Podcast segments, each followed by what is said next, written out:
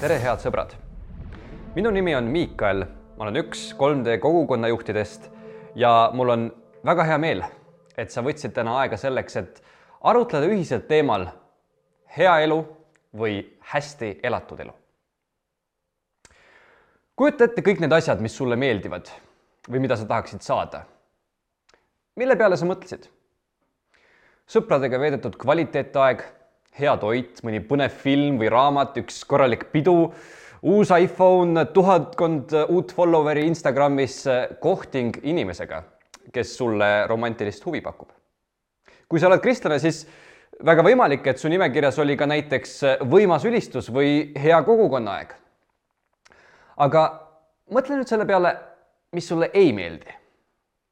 igavad koosolekud, konfliktid raha kaotamine, haigused, hüpoteeklaen, seltskond, mis ei tekita erilisi tundeid, kõikvõimalikud ebamugavused, mida sa tahaksid vältida.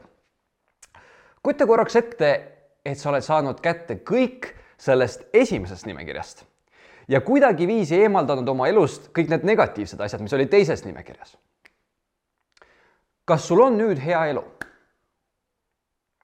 samale küsimusele püüdis vastata sotsioloog Amitai Etzioni ja oma mõtete illustreerimiseks sõnastas ta ju ka ühe väga lihtsa lause.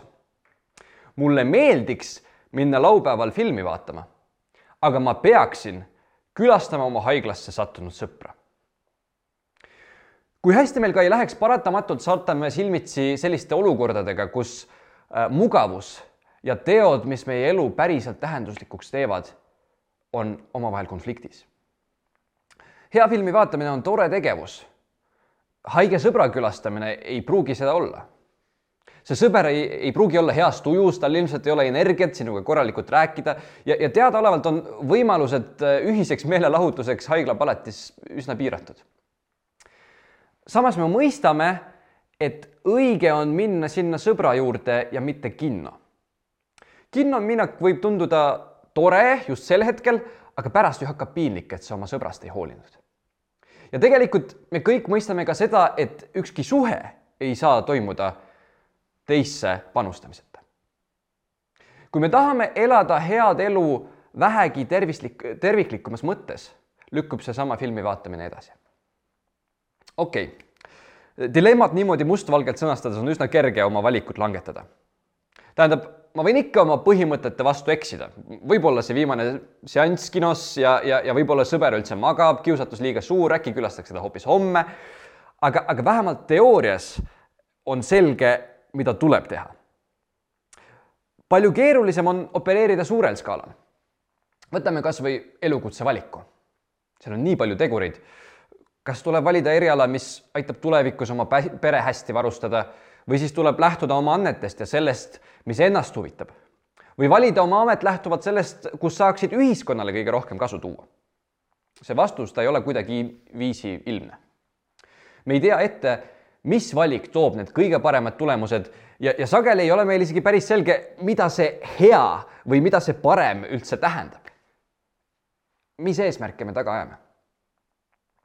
võib-olla sageli me ei mõtlegi selle peale, aga, aga, aga see viimane küsimus on ka usuelus väga oluline. mis eesmärke me taga ajame? miks sa otsustasid täna seda videot vaadata? kui sa oled kristlane, siis mille jaoks sa kristlane oled? ja kui sa veel ei pea ennast kristlaseks, siis millised on sinu ootused? milliseid vastuseid sa usust otsid? sõltumata sellest, miks sa otsustasid seda videot vaadata, mul on väga hea meel, et sa oled praegu siin ja ma olen siiralt tänulik, et sa võtsid süvenemiseks aega. ning kui sind vaevab täna mõni mure või, või terviseprobleem, siis ma loodan, et 3D kogudus on, on just see koht, kus sa leiad praktilist tuge ning, ning siirast armastust. ja ma tahaksin siinjuures rõhutada üle, kui me oleme kristlased, siis meie ülesanne on päriselt hoolida nendest, keda Jumal meie teele saadab. sest Jeesus annab meile väga konkreetse hoiatuse ta mõistab kohut meie üle selle järgi, kuidas me ise kõige nõrgemaid kohtleme. tõesti, ma ütlen teile, mida te iganes olete teinud kellele tahes mu kõige pisematest vendadest, seda te olete teinud mulle. tõesti, ma ütlen teile, mida te iganes olete jätnud tegemata kellele tahes mu kõige pisematest vendadest, seda te olete jätnud tegemata minulegi, hoiatab Jeesus Matteuse kahekümne viiendas peatükis. See, mida ma järgnevalt ütlen, ei vabasta meid kuidagi vastutusest teisi teenida. aga paraku karm tõde on see, et sageli tullakse kogudusse valede ootustega. me loodame, et Jumal kingib meile hea elu siin ja praegu. kui ma olen hea kristlane ma palvetan piisavalt, ma püüan mitte patlustada, siis Jumal õnnistab mind.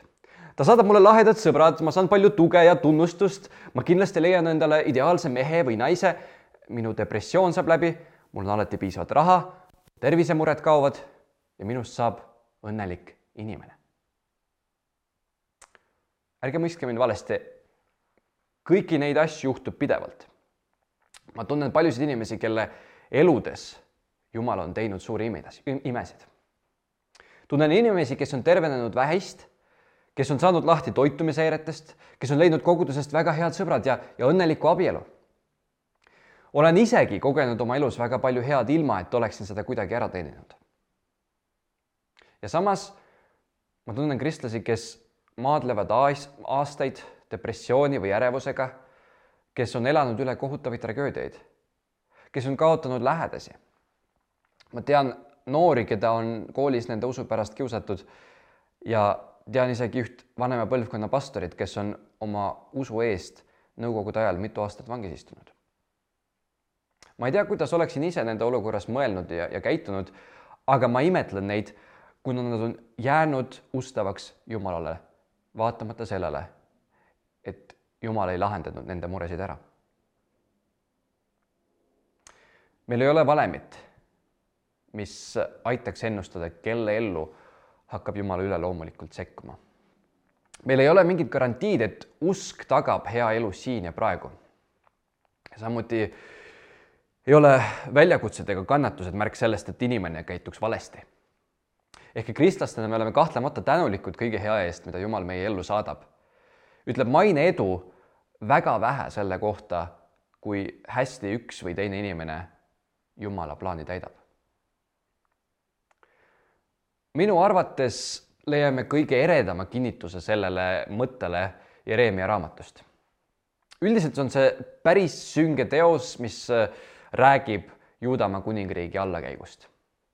üle kahekümne aasta valitsevad riiki ebajumalaid kummardavad kuningad, kelle ajal muutub vaeste ekspluateerimine järjest hullemaks.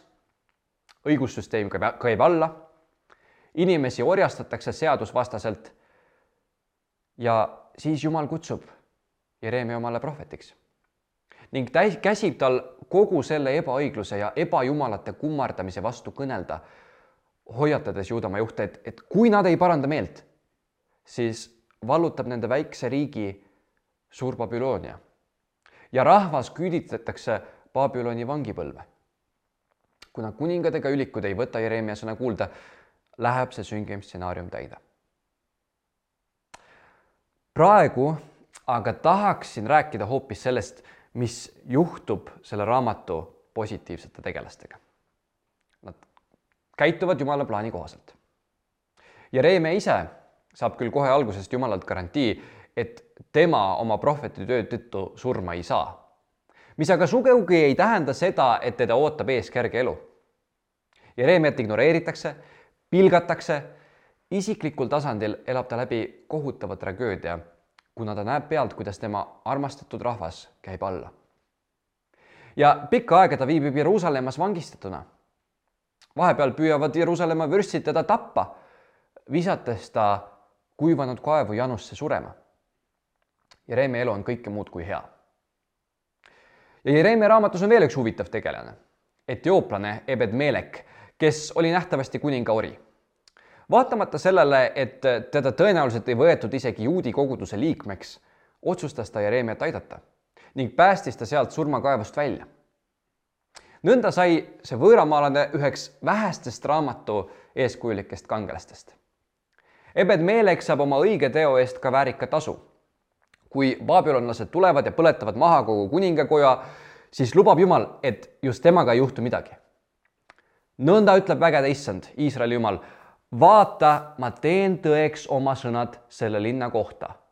õnnetuseks, aga mitte õnneks ja sel päeval sünnib see sinu nähes. Aga sinu ma päästan sel päeval, ütleb issand, ja sind ei anta nende meeste kätte, keda sa kardad, sest ma päästan su tõesti. nõnda, et sa ei lange mõõga läbi, vaid saad enesele osaks oma hinge. sellepärast, et sa oled lootnud minu peale, ütleb issand. kuid Jereemia raamatust on veel paar head tegelast üks nendest on uurija, kelle kohta on kirjutatud täpselt üksainus lõik. aga oli ka keegi mees, uurija, see Maaja poeg Kirjati Järimist, kes issanda nimel prohvetlikult kuulutas ja tema kuulutas selle linna ja maa kohta kõigiti sarnaselt Jereemia sõnadega. aga kui kuningas Joojakim ja kõik ta ihukaitsjad ja kõik vürstid kuulsid tema sõnu, siis püüdis kuningas teda surmata. aga uurija kuulis sellest, kartis ja põgenes ning jõudis Egiptusesse. siis kuningas Joakim läkitas Egiptusesse mehed, Elnatani, Akbari poja ja mehi koos temaga ja need tõid uurija Egiptusest tagasi ning viisid ta kuningas Joakimi ette. ja kuningas lõi ta mõõgaga maha ning viskas ta laiba lihtrahva hauda. kõik, mida me selle mehe kohta teada saame, on see, et ta kuulutas prohvetlikult nagu Jereemia ning sai selle eest surma. ja suuremat pilti vaadates me näeme kolme inimest. Kõik nad on Jumalale ustavad ja seisavad justkui sama asja eest, kuid kõik nad kogevad väga erinevaid asju. uurija tapetakse, Jereemia jääb ellu, aga satub silmitsi paljude õnnetustega. Ebed-Meelek äh, paistab aga suuremaid kannatusi vältivat ma ei tea, kas üldse kellegi elu siin saab heana kirjeldada, kuid kõigil neil oli kahtlemata hästi elatud elu. Aga miks peaks üldse keegi ehitama üles oma elu õpetusel, mis ei garanteeri õnne? me kõik saame järele mõeldes aru, et, et okei okay,, näiteks suhetes tuleb teha järeleandmisi selleks, et need suhted kestaksid ja me oleksime nagu pikas perspektiivis õnnelikud. kuid uurija puhul me ei saa isegi sellest pikast perspektiivist rääkida, ta sureb liiga kiiresti. kas ta oli hull? kas ta tegi rumala valiku? Paar aastat tagasi ma käisin ekskursioonil Auschwitzi koonduslaagris Poolas. ja selle ekskursiooni käigus viis giid meid ühe baraki keldrisse, kus äh, asusid näljakambrid. distsipliini hoidmiseks kehtestasid natsid väga julma reegli. kui keegi põgenes laagrist valiti välja kümme suvalist inimest, pandi nad sinna kambrisse kinni ja näljutati surnuks. ja giid rääkis meile ühest katoliku preestrist nimega Maximilian Kolbe. Juba sõja alguses liitus ta Poola vastupanuliikumisega, toimetas äh, natsivastast ajalehte ja raadiosaateid. klooster, kus ta elas ja teenis, osutas haigetele abi ja pakkus oma tegevusaja jooksul varju ligi kahe tuhande, kahele tuhandele juudile kõik see oli mõistagi tohutu risk, sest et natsid karistasid igasugust vastupanu ja juutide abistamist väga karmilt. kolbe arreteeriti ja ta viidi mõne kuu pärast Auschwitzi. Koonduslaagris pidi ta taluma pidevat alandust ja, ja peksa. ent kõik see ei suutnud ta hinge murda.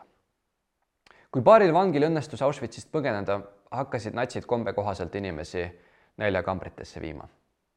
kolbet ei valitud aga siis üks mees karjatas minu naine, minu lapsed ja, ja nähes selle mehe valu ja hirmu, pakkus kolbe minna naljakambrisse tema asemel. Ja seal kolbe laulis ja palvetas teiste surmamõistetutega ning aitas neil piinarikka surmaootuses sisemist rahu säilitada ja vältida seda inimsöömisesse langemist, mis oli selle karistuse puhul nii, nii tavapärane. kolbe ise jäi kõigist viimasena ellu, kuna valvurid väsisid tema näljasurma ootamast, tehti talle lõpuks surmasüst. mis inspireerib inimest niisuguseks ohvriks? Maximilian Kolbe ütles kunagi,